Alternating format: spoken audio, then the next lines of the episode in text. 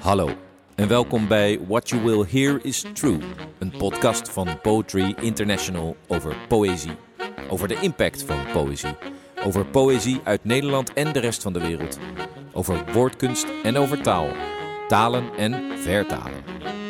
We spreken met dichters, vertalers en liefhebbers. We laten poëzie horen en alles wat u als poëzie in de oren klinkt.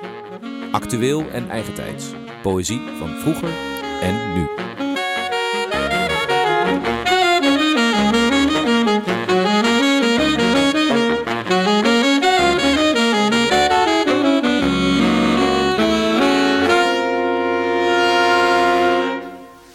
Welkom, beste podcastluisteraar, bij deze podcast van Poetry International en het Poëziecentrum te Gent.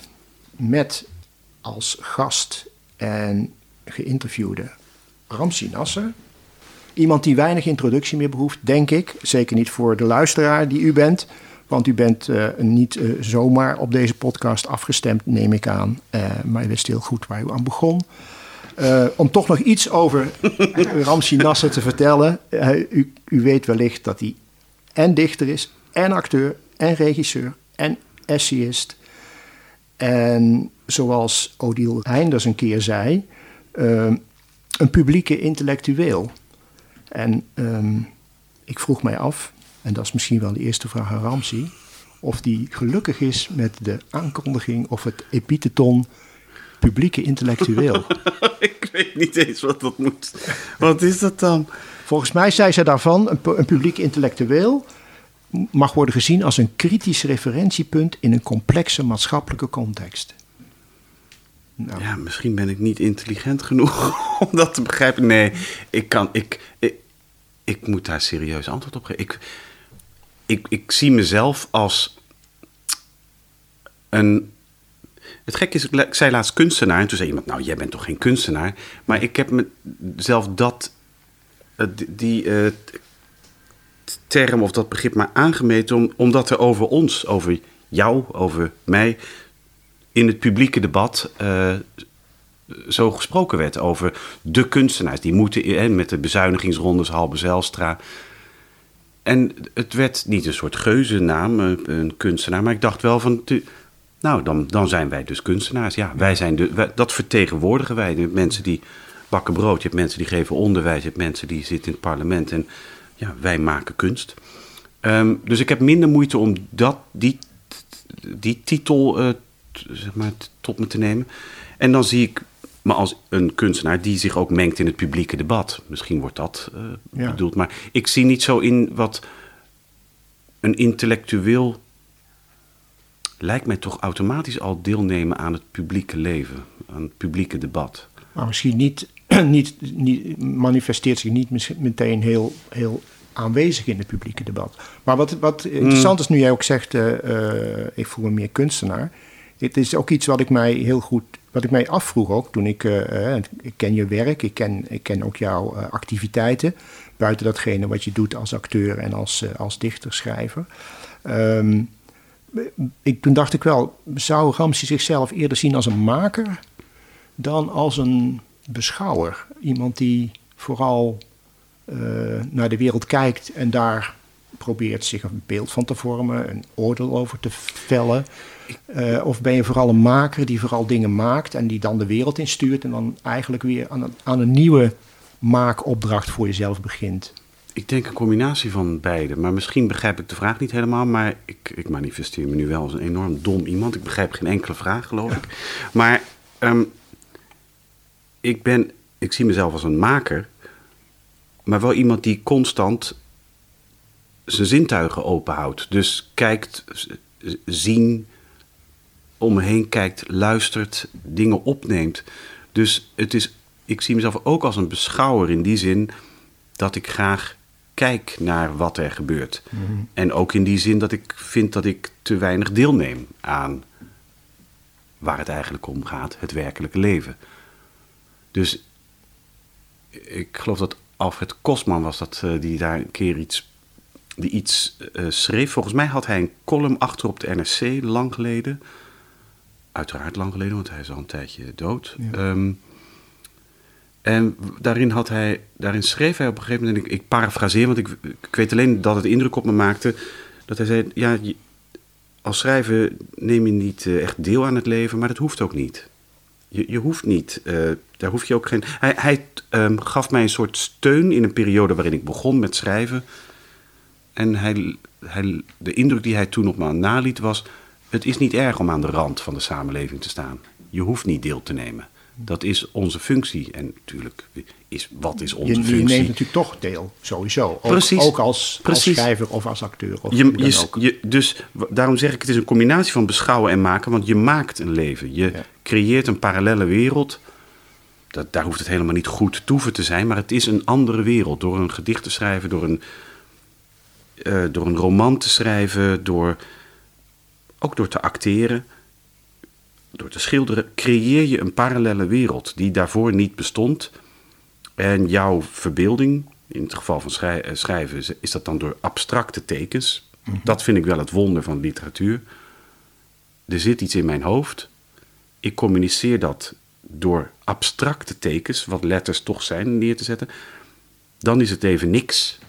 Althans, het is eigenlijk heel lang niks. Het is het grootste deel van het bestaan van een boek, is het niks. Tot het ter hand wordt genomen en door een ander hoofd, via de verbeelding van dat hoofd, weer iets nieuws wordt. En waarschijnlijk iets anders dan, eh, dan hoe de schrijver het de schrijver bedoeld heeft, Precies. of in zijn hoofd had. Precies, ja, de, gewoon letterlijk hoe het in, inderdaad in je hoofd eh, zat. En dat vind ik een enorm wonder. Maar dat is dus een parallele wereld. Dat is een, iets anders. En soms wordt er een soort rijk ontsloten. In het geval van Van Gogh bijvoorbeeld. Die Ja. heeft een, een rijk van kleuren, van kijken naar de wereld ontsloten. Nam hij deel aan de wereld? Dat was wel zijn streven. Ja. Eh, tegelijkertijd heeft hij zijn, is hij zijn leven lang er niet in geslaagd om, om aansluiting te vinden op de manier zoals wij dat zouden willen. Op een normale manier deelnemen aan het eh, bestaan. Dus, eh, lang antwoord op je vraag. Ik denk een combinatie van beide. Ja. En beschouwen en maken. En ik heb vroeger ben ik te lang bezig geweest met een soort onderscheid, wat volgens mij arbitrair is. In de beginperiode acteerde ik vooral en wilde ik ook schrijven. Toen ging ik in 2000 net publiceren, toen stopte ik met acteren en toen waarschijnlijk om voor mezelf iets, om helderheid in mijn eigen hoofd te creëren, maakte ik toen een soort onderscheid tussen uitvoerende kunsten en scheppende kunsten. En dat is natuurlijk potsierlijk en belachelijk, want dat, dat slaat nergens op. Ehm, maar ik merk wel dat dat bij, eh, ook bij acteurs wel leeft. Ik had laatst een gesprek met muzikanten en dat is eigenlijk het- hetzelfde als een acteur. Ja. En die, die- toen had ik het over kunstenaarschappen. Die zei, nou, ik, er was een pianist, klassiek pianist. Die zei, nou, ik noem mezelf geen kunstenaar. Ik zei, nou, toch ben je, denk ik wel. Ja, nee, ik, ik reproduceer. Ik, eh, er is een componist, die heeft het grote werk. Ik denk dus dat dat onderscheid, eh, dat, dat het niet zo interessant is om het over te hebben. Maar toen was ik daar heel erg... Ik, ik had te veel geacteerd voor mijn gevoel. En toen dacht ik, ik wil schrijven, ik wil iets anders doen, iets maken. Maar ik denk dus dat dat onderscheid niet echt bestaat. En dat is nu ook, ehm, zoals je nu kijkt naar wat je nu doet en wat je de komende tijd zou willen doen, is dat onderscheid ook in wat je zelf onderneemt weggevallen. Blijf je schrijven en acteren Ja. tegelijkertijd. Ja. Niet meer die, die scheiding tussen die periode van Nee. acteren en die periode van schrijven. Nou, dat kan, zich, dat kan elkaar heel erg hevig afwisselen hoor. Ik kan tijdens het schrijven van een eh, essay, een gedichtencyclus of wat dan ook, kan ik intussen moeten spelen voor een serie. Eh, Oogappels bijvoorbeeld. Daar heb ik, dat moet ik altijd in de periode september, eind februari eh vrij houden. Een, een x aantal dagen moet ik dan spelen Ja. eh, in, die, in die serie. Of moet, mag ik. En dan is ja, het is gewoon een kwestie van plannen. Soms als ik s'avonds moet eh, spelen voor de serie, kan ik overdag nog schrijven. Dus het loopt door elkaar.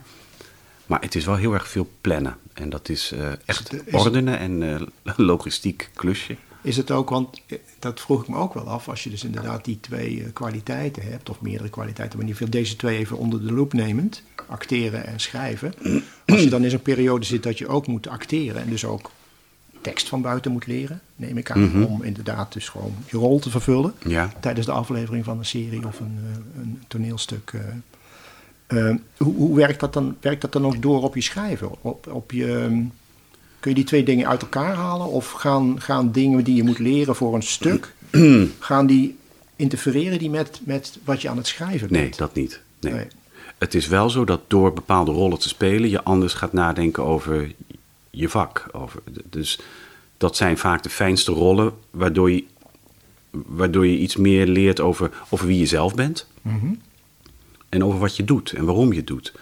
Door bijvoorbeeld een rol als Ischa Meijer te spelen in eh, de tv-serie IM.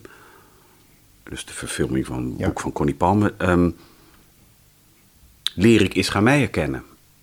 En leer ik zijn leefwereld kennen. Zijn kwetsuren. En die verbeeld je. Die be- probeer je te belichamen. En dat is een soort iemand heeft jou nooit gekend. Ik heb hem nooit ontmoet.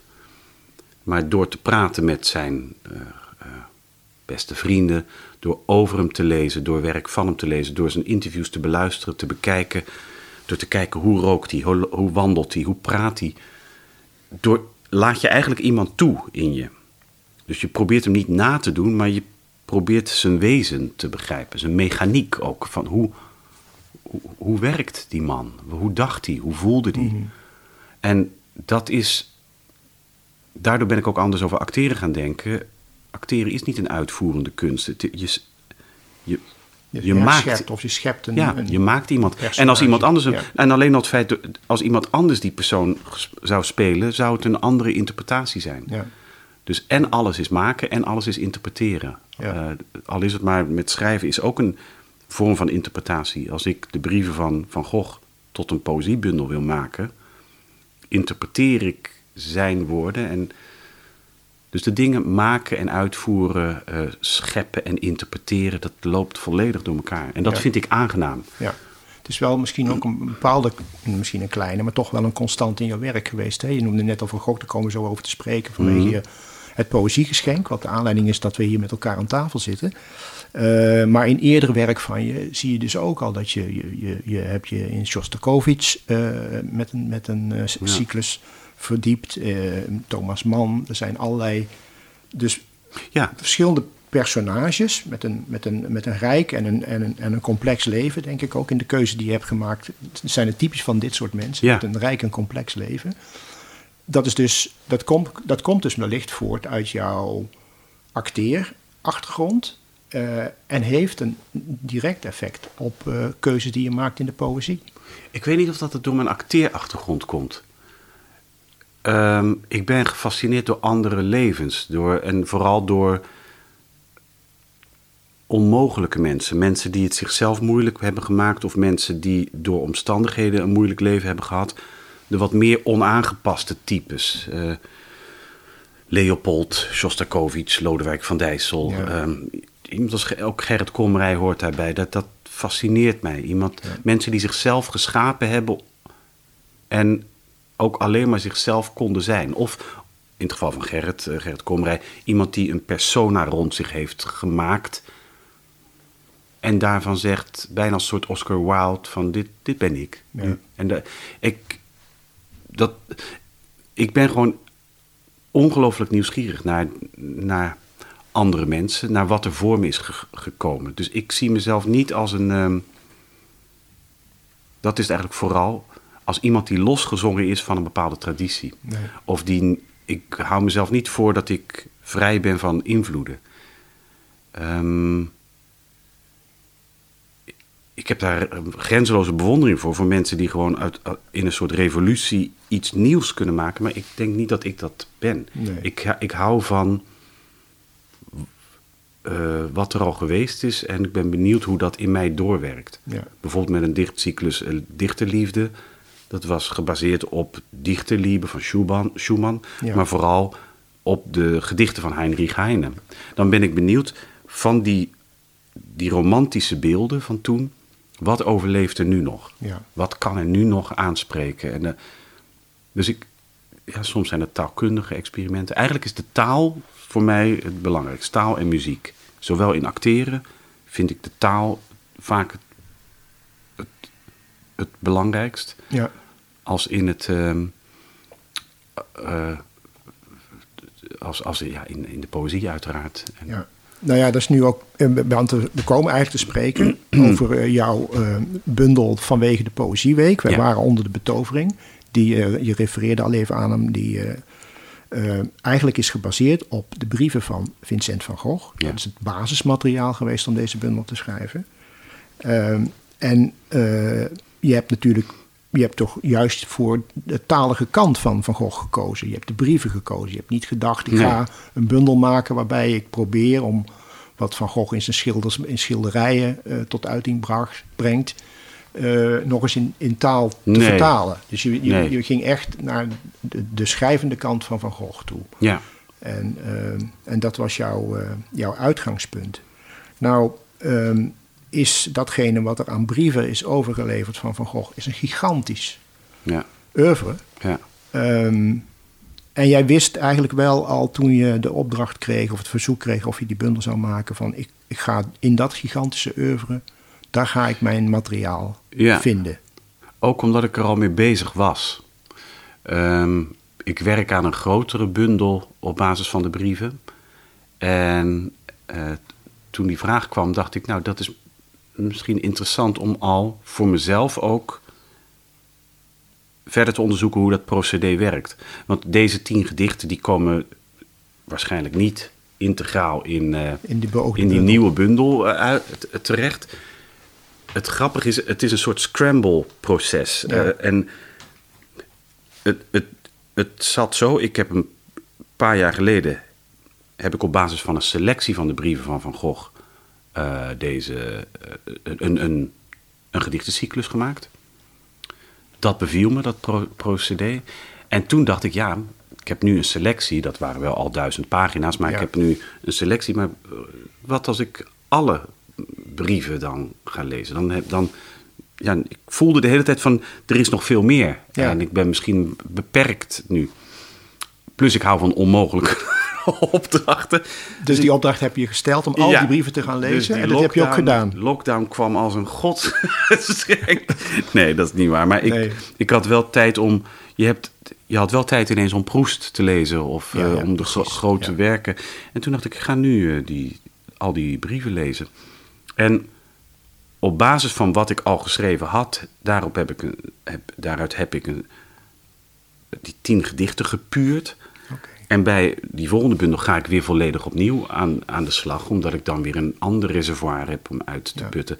Maar het is een proces waar ik heel erg van hou. Dus ik heb de puur zinnen eruit gepikt, ontdaan van hun context en in een andere volgorde gezet. En rekening gehouden met muzikaliteit, met thematiek. Maar bijvoorbeeld ook eh, fragmenten uit het eind van zijn leven wilde ik juist combineren met het begin van zijn leven. En ja, dan heb ik voor mezelf een soort eh, opdracht van... ik mag geen woorden in een nieuwe volgorde zetten. Ik mag wel woorden ertussenuit halen. Ja. Dus dan zit je te pielen, dan zit je Ja. te lezen en denk je... oh, dat is een mooie zin. Ja, maar helaas, hij gebruikt hier een naam... die verder refereert aan iets wat ik niet kan verklaren. Ja, dan moet die zin eruit. Ja. En ik had het procedé als eerder toegepast in dat eh, gedicht... we net- Shostakovich, Ja, adagio van... eh, Inderdaad. ja, dat, dat, ik hou van, van dat soort ehm, spiegelopdrachten. Dus die, dat gedicht eh, Wintersonate, dat is gespiegeld aan de Altfield-sonate van Shostakovich, wat hij op zijn sterfbed schreef. En ik had daarbij geprobeerd om rekening te houden met de opzet van die oorspronkelijke Altfield-sonate. Qua tempo, metrum, Ja. eh, thematiek. En in het derde deel van die Altfield-sonate citeerde Shostakovich, liggend op zijn sterfbed, allerlei werken die hij in zijn jeugd had geschreven, op het conservatorium had gespeeld. Hij had bijvoorbeeld de Moonshine-sonate gespeeld. Ja. eh, en eh, dat, die citeert hij in dat eigen werk. En ook onafgemaakte stukken, stukken die hij heeft laten liggen, opera's waar hij aan gewerkt heeft. Dus dat is iemand die zichzelf citeert in een soort, ja, als een soort geheugen her- herinneringen ophaalt aan zichzelf. muzikaal. En dat heb ik geprobeerd te transponeren. Dus ik dacht, dan wil ik citaten uit in het gedicht. Worden dat citaten van dingen die hij heeft uitgesproken. Of die hij heeft opgeschreven, of mensen die hem geciteerd hebben. Van, en toen zei Shostakovich, zei Dmitri dit. En dat heb ik toen ook al gedaan. Een soort allerlei uitspraken van hem in een volgorde gezet, waardoor het een poëtisch, theatrale, biografische monoloog wordt. Ja. En en bij, nu je dit bij, eh, met het werk van Van Gogh hebt, eh, hebt aangepakt voor, Mhm. voor deze bundel. Eh, ik vroeg me af, want hoe, hoe, hoe begin jij dan? Hè? En, en nou, misschien daaraan voorafgaand nog de vraag. ehm, zitten er in een, een van de tien gedichten, zitten daar eh, uit meerdere brieven eh, zinnen? Ja. En, en dat loopt ook allemaal door elkaar? Constant, dat is constant. Dus ik heb Dus het je, niet kan, je, kan, bijgehouden. je kan bij wijze van spreken, de eerste zin komt uit een brief eh, Ja. van een bepaald jaar. En de tweede zin Ja. komt uit absoluut. Ik heb- brieven later. Het is, het is zo dat ik eh, contact eh, heb en ook wat informatie aangevraagd bij specialisten van het Van Gogh Museum. Mensen die ook die brieven uit en treuren, van binnen en van buiten kennen. Ja. En die zeiden, ik vond het heel verwarrend. Het is, het, het heel mooi, maar ik, ik, ik zie alle, vind, alle vindplaatsen in mijn hoofd. Dus als een soort archeoloog. Ja. Ehm, het is net alsof, ja, bij een- alsof er allerlei archeologische vondsten van Ja. verschillende plekken worden bij elkaar gelegd. Ja. En zij vonden dat mooi, maar ook verwarrend. Zo'n Tyrannosaurus rex hoofd wat gekoppeld is aan een, eh, aan Ja, een, aan een ja, vroeg, of een laatst zoog, of uit een mammoet Pre- ja, precies. of zo. Ja. ja. En ehm, eh, omdat de context wordt weggehaald, zij zien, ik, kan dat moeilijk uitleggen voor een podcast, maar als je een woord hebt, heeft dat allerlei referenties. Ja. En zoals een zin uit een brief, dat is in een bepaalde periode van het leven van Van Gogh op een bepaalde plek geschreven, in een bepaalde context en, en er is een bepaalde geadresseerde. En dat heb ik allemaal weggelaten, omdat dat voor mij het onderscheid maakt tussen een brief en poëzie. Ja. Als je de context weghaalt, gaat het iets anders betekenen. Dus de ene keer schreef hij een brief aan eh, zijn broer, dan weer aan zijn vader, dan weer aan een kunstverzamelaar. En ik heb daar allemaal gij van gemaakt. Ja. Of, eh, dus de geadresseerde. En, en daardoor gaat het voor mij meer betekenen.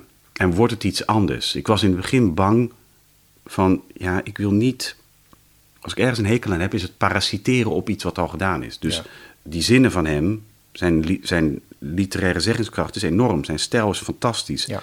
ja, ik wil natuurlijk niet gewoon die woorden onder elkaar zetten, een grappige afbreking maken en zeggen, nou, nu is het een, als een soort ready-made, nu is het poëzie geworden. Ik bedoel, dat, dan is het mijn werk niet. Ehm, maar, nu ben ik even de draad kwijt, maar, hm, ik wou iets zeggen. Nee, maar goed, je, je ziet ook wel in die zinnen, eh, eh, af en toe is het natuurlijk ook uit Oh, sorry, spelling- ik, ik weet weer. Ja, sorry. Ja, maak, maak je het, anders lijkt zo'n verwarde geest. Hij, als je de aanspreekvorm eh, vaag maakt, gij, gaat, gaat, die aan, gaat de aangesprokene meerdere mensen of ent- entiteiten kunnen Ja. aannemen. Het kan God zijn op een bepaald moment. Ik hou ook heel erg van nou, de, de boetepsalmen van vroeger. Daar, daar doet mij, dat soort poëzie heb ik geprobeerd te maken. Iemand die iemand aanspreekt die er niet is. Hij vraagt ook de hele tijd, kom eens langs. Ja. Dat was natuurlijk aan Theo. Kom alsjeblieft eens op bezoek. En ja, in boetepsalmen wordt vaak een God aangesproken die er niet is. Waar bent u dan? Ja. Help mij, want ik ben in nood. Ja. En dat vind ik mooi. En af en toe spreekt hij een de huidige lezer aan. Of een, een- iemand die niet van kunst houdt. Nee. Nee, maar goed, zoals, zoals je nu kan lezen ook, vind ik als, als lezer van deze mooie tien gedichten, is het ook dat, dat, dat jij als schrijver eh, de lezer ook in vertrouwen neemt. Je vertelt hem iets eh, wat dan, eh, want dat, dat is natuurlijk ook wat er ontstaat in zo'n, in zo'n serie van tien. Mhm. Er ontstaat een verhaal uit die tien gedichten. Hè, Het, het heeft een bepaalde ontwikkeling. En, en daarmee, ook omdat het nogal, nou, je zou kunnen zeggen, het is pregnant, het is eerlijk. Het, is, het probeert een soort inzicht te geven in, in de gemoedstoestand van de ik-persoon in de bundel, zou Ja. je kunnen zeggen. Eh, daarmee neem je de lezer erg in vertrouwen. Je gaat op een hele vertrouwelijke voet, Ja. ga je je tot de lezer richten. Ja. Wat, wat En de zelfs- poëzie heel invoelbaar maakt. Nou, dat, dat vind ik fijn om te horen, want dat is inderdaad het, ehm, de bedoeling. En ik hoorde van, ehm, van meerdere mensen eh, die zeiden: Dit is, het lijkt wel je meest persoonlijke bundel. Ehm, nou, weet ik niet of dat, dat klopt, maar ik ben wel blij dat, dat je via andermans woorden kennelijk iets ver- vertrouwelijks over jezelf. Niet over jezelf kunt eh, zeggen, maar er is een reden waarom ik bepaalde fragmenten heb uitgekozen, waarom ik bepaalde eh, gemoedstoestanden van Van Gogh eh, eruit licht. Zeker als je tien gedichten hebt, dan moet je specifiek zijn. Ja. En uiteindelijk, ja, uiteindelijk is natuurlijk al- alles autobiografisch. Maar je neemt inderdaad de lezer in vertrouwen. En op het moment dat je Van Gogh laat zeggen: Ik, eh, ik heb als iedere mens nood aan liefde, aan omgang. Mhm. Uiteraard. Het, het, eh, ja. Een andere dichter zou andere zinnen eruit gepikt hebben. Maar dat uitspreken is eigenlijk ook al een vorm van eh, creëren van nabijheid met de lezer. Ja. Wat natuurlijk in poëzie eh, Ja. mooi is als, die, als dat wordt bereikt. En dat is naar mijn gevoel wel een sterke kwaliteit van, jou, van jouw bundel. Het is, het is verder wel, als je zo die tien gedichten leest... Mhm. De, de, de- bij mij ont- ontstaat er wel een soort gevoel van melancholie Ja. met wat ik eh, tegenkom. Want het is, er zit natuurlijk toch wel een sombere ondertoon in. Natuurlijk. Ehm,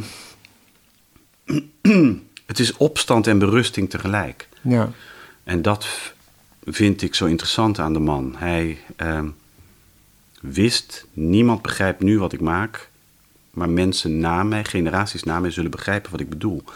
En hij heeft verdomme gelijk gekregen. Eh, En niet alleen dat.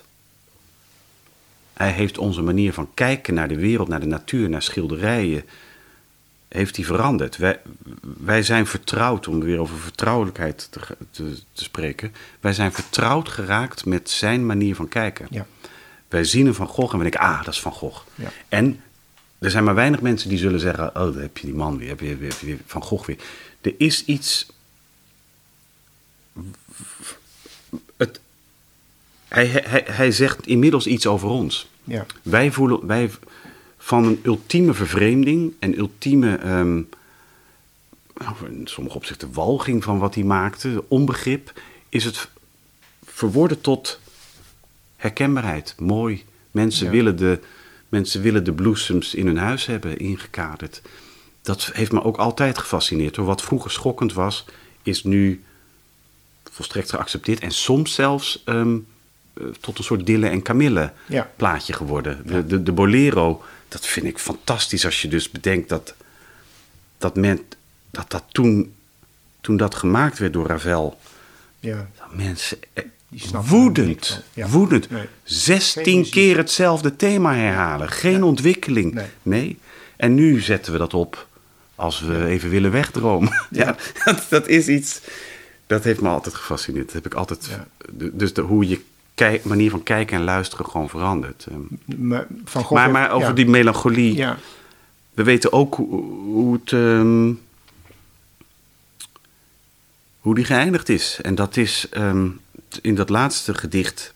Dat is een, dat is een afscheid. Het, het, maar ik... Wat ik hoop dat, je, dat ik heb kunnen verwoorden... is dat het niet alleen gaat om een persoonlijk geluk over wat... Hij- Ik denk dat hij on- ongelukkig was in het leven met euforische momenten in de, in de kunst. Door te kunnen letten, dat zegt hij ook. Ik, ik, ik wil de natuur kunnen betrappen, kunnen aanvallen. Ik wil het kunnen vatten. Soms kon hij dat en dan was hij euforisch. Maar op, op persoonlijk vlak, die aansluiting vinden, is hem nooit gelukt. En nou ja, we weten hoe het met hem is afgelopen. Dat is, eh, Ja. dat is verschrikkelijk. En dat vind ik ook verschrikkelijk. En tegelijkertijd denk ik, ja, maar hij heeft een rijk ontsloten. En hoe wij hem ons herinneren is door zijn kunst. En dat vind ik een, een enorm prachtig eh, gegeven. Dat, Dus ook eigenlijk als je, eh, hè, je, zei het, je zei het eh, zelf eigenlijk ook al een beetje op een hij heeft ons iets nagelaten, dat bedoel Nou ik. ja, ook. maar hij heeft, hij, heeft ook, hij heeft inderdaad ook ons anders naar dingen laten kijken. Hij heeft Ja. ook ons anders naar de natuur laten kijken. We Ja. zouden een schilderij van een korenveld eh, met, een, met een lucht erboven. Ja. Dus, daar zullen wij nu niet meer van zeggen dat is een wonderlijke combinatie van verf. Maar we zien daar ook de natuur in. Dat, zien we, dat is natuurlijk ook zoals Ja. wij door de manier waarop Van Gogh dat naar zijn eigen hand heeft kunnen Ja. zetten... hebben wij de natuur ook weer op een andere manier kunnen leren kennen. Ja, En zijn we ook bereid om daar meer, misschien anders naar te kijken dan we dat gewend zijn. Maar dat zie ik ook een beetje terug in jouw werk. Dat zit in deze bundel, maar dat zit natuurlijk ook in eerdere dingen die je hebt geschreven. Eh, een ander soort verhouding tussen de grote natuur van het alles wat om ons heen is. Mhm. Eh, wat eigenlijk misschien een opdracht is voor de hedendaagse mens, om je daar meer van bewust te zijn. Of ook daar anders in te staan. Eh, Eigenlijk schrijf je in jouw essays, in de fundamenten, eh, daar, doe je natuurlijk ook een pleidooi om uit, laten we zeggen, de kramp te komen waar wij nu in zitten. Met, met het neoliberalisme en de manier waarop wij de natuur Ja. en onze omgeving vooral uitputten en misbruiken. ja, En dat, er een, dat we eigenlijk de oplossing zou moeten worden gevonden in onszelf veel meer onderdeel te, te laten zijn. En Ja. te zien dat we slechts een minuscuul onderdeel zijn van een heel groot geheel. Dat zit Dat eigenlijk bij, bij Van Gogh toch ook, zou je kunnen zeggen. zeker, zeker. Ja. Dat, en dat is inderdaad wat. ehm, het, pro- het, kijk, er, is een pro- er, er moet een soort evenwicht zien te vinden als je die, die boodschap eh, wil. eh, of boodschap, ja. Nou ja, het is toch een, die mededeling wil doen. Ja. Omdat je al heel snel. Er zijn twee uitersten. Het een, en ik ben. Het, het, het uiterste waar ik niet in geïnteresseerd ben, is we zijn allemaal deel van iets groters. We zijn allemaal, alles gebeurt met een reden. Ja. Eh, eh, dat bedoel ik met Dille en Camille filosofie. Ja. Ik bedoel, no offense, eh, hartstikke leuke winkel, dus ik bedoel het niet lullig. maar ehm, we, we zijn allemaal onderdeel van een groter geheel. We, hè, alles is Maya, alles is... Dat mag allemaal, iedereen mag dat van mij denken. Ja, en en ja. één zijn met de natuur en luisteren naar de innerlijke, eh nou ja, et cetera. We weten wat ik bedoel. Ik vind dat allemaal prachtig, maar dat is niet wat ik wil zeggen. Het andere uiterste, daar voel ik me meer mee verwant, en dat is de evolutietheorie. Namelijk, ehm, we zijn allemaal onderdeel van een, niet een hoger geheel. Of, en we hebben ook, het heeft geen zin, het heeft geen doel. Er is geen richting. We, ehm, het, en niet alles gebeurt met een reden. Dat is eigenlijk, dus daarom bedoel ik, het is de tegenpol. Misschien gebeurt alles wel volledig zonder reden. Als je dat tot je laat doordringen, snap je ook waarom we in deze crisis beland zijn. Eh, dat virus is dus ook, geeft dus ook, de pandemie geeft ons ook aan, je bent onderdeel van dat geheel. En ik voel me meer verwant met die down-to-earth eh, theorie. Dit is het leven. Het leven verandert. Ehm, het leven verandert en ehm, het heeft geen doel, het heeft geen richting. Maar zolang je er bent, ja, k- kun je je wel proberen daarmee te verzoenen. Misschien ben ik daarom ook altijd. eh, Toen ik, eh, to- toen ik jong was, eh, toen ik begon met acteren, speelde ik in Caligula van, van Albert Camus. En ik kende zijn werk nog helemaal niet. Ik was begin twintig. En ik ging alles van hem lezen en ik verslond het. Ik vond Ja. dat, dat was voor mij... Ik vond het fenomenaal, omdat hij mij een uitweg bood.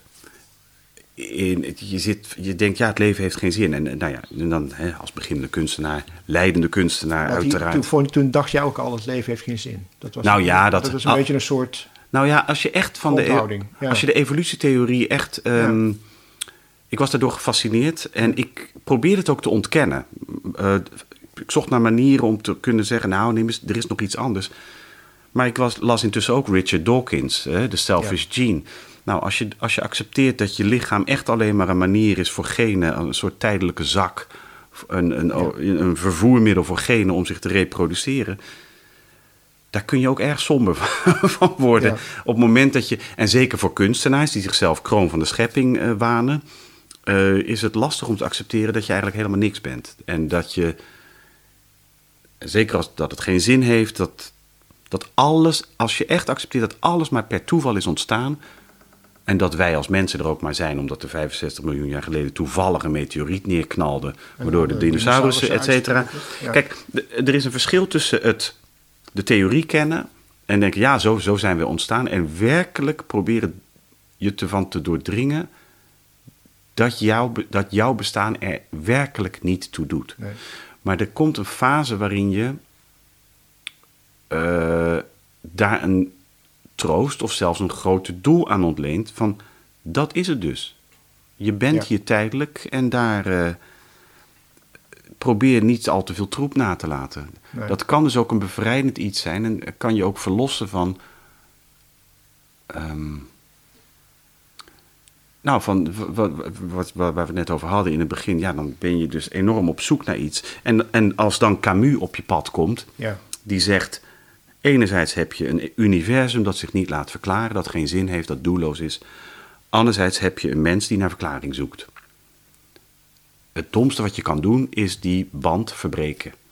Het is niet omdat het universum doelloos, zinloos en, en, en, en, onzinnig is, dat je als mens niet ernaar moet streven om toch een zekere Een zin- een zin eraan ja, te in te geven. vinden. Ja. Ja, ja. Als je dat namelijk niet doet, ja, de grote vraag nou ja, van het bestaan, wil je, wil je leven of niet? Ja, dat, dat, je moet die band intact houden. En dat gaf mij op dat moment, ehm, eh, ja, k- steun, kracht. eh, je, je zoekt natuurlijk bij voorgangers, of dat nou Mozart is, of Darwin, of Shakespeare, of, eh, of Leopold, zoek je naar, eigenlijk naar steun. Iemand heeft ooit hetzelfde gedacht. Of iemand heeft het ooit veel beter Ja. onder woorden Ja. gebracht. Iema- iemand heeft tegen alle stromingen in gezegd. En toch is het zus. Hoeft niet te kloppen, maar zo iemand als da- eh, ja, de goddelijke komedie. ja, Tuurlijk klopt die ordening niet van hem. nee. Maar voor hem wel. En hij heeft een van de grootste kunstwerken. eh, Een kunstwerk gemaakt dat gelijk staat aan religie. Dat, Ja. Nou ja, de hele nu- numerologie van hoe, hoe het is opgezet, van tot in de, de, de stanza's toe, hoe een vers is opgedeeld, tertines, et cetera. Ja, die getallensymboliek, ja. Hij heeft een universum geschapen. Ja. En het is een universum geworden waar we allemaal nog eh, door geïnspireerd kunnen Ja, raken. en dat is natuurlijk, eh, ondanks dat je, Ja, dat je misschien moet constateren dat, het, dat we ook een onbeduidend element zijn in Ja. datgene wat we het leven noemen. En we leven het leven omdat het leven er nou eenmaal is. mhm. Ehm, is het toch mogelijk om iets na te laten of iets te schrijven of iets te maken waar een ander ja. weer zijn voordeel mee kan doen of zijn inspiratie uit kan halen. Eh, En het is nog altijd relevant. En niet alleen relevant, het is nog altijd schokkend. De goddelijke komedie lezen, Ulysses lezen, is nog altijd even schokkend als... Althans, minder schokkend waarschijnlijk, maar op een bepaalde manier is het nog altijd modern. En als je naar de zouaaf van, eh, van Van Gogh kijkt, die kleuren is nog altijd vervreemdend en schokkend. Dus je kent het, je herkent het, je weet waarnaar je kijkt. En toch is er iets, is er iets dat nog altijd diezelfde schok van toen in zich draagt. Einstein on the Beach van Philip Glass. Ja, ik, ik, ik heb het een jaar of tien geleden gezien in het muziektheater. Ja. Nou, integraal opgevoerd, zoals het in 1976 geloof ik was opgevoerd. Zelfs hetzelfde decor. Ja, ik wist niet wat ik meemaakte. Nee. En ik vind het nog altijd schokkend eh, om die vijf uur lang... eh, ja, In die wereld van, van glas. ja, in een ander Ja. in zijn Ja, universum. Ja. Ja, dat is, wel, dat is wel het hoogste streven. Dat je een, een, eigen beeldtaal of een eigen taalstijl kan eh, uitdokteren. Ja, een stijl die, zoals je in de voorbeelden die je net geeft, betoverend kunnen zijn. Ja, We waren onder de betovering. En ook in dit gesprek even. Ehm Ramsi, dank je wel voor het gesprek. En eh, jij bedankt. met eh, groot genoegen eh, kan ik, en met groot enthousiasme kan ik iedereen aanraden de bundel Wij waren onder de betovering te verwerven, aan te schaffen. Koop in de Poëzieweek genoeg poëzie en je krijgt het gratis. En het is een opmaat, denk ik, een preview tot de grote Van Gogh bundel die Ramsi in de nabije toekomst voor ons gaat maken. Dankjewel. Graag gedaan. Jij bedankt. U luisterde naar What You Will Hear Is True, een podcast van Poetry International over poëzie. Poëzie uit Nederland en de rest van de wereld.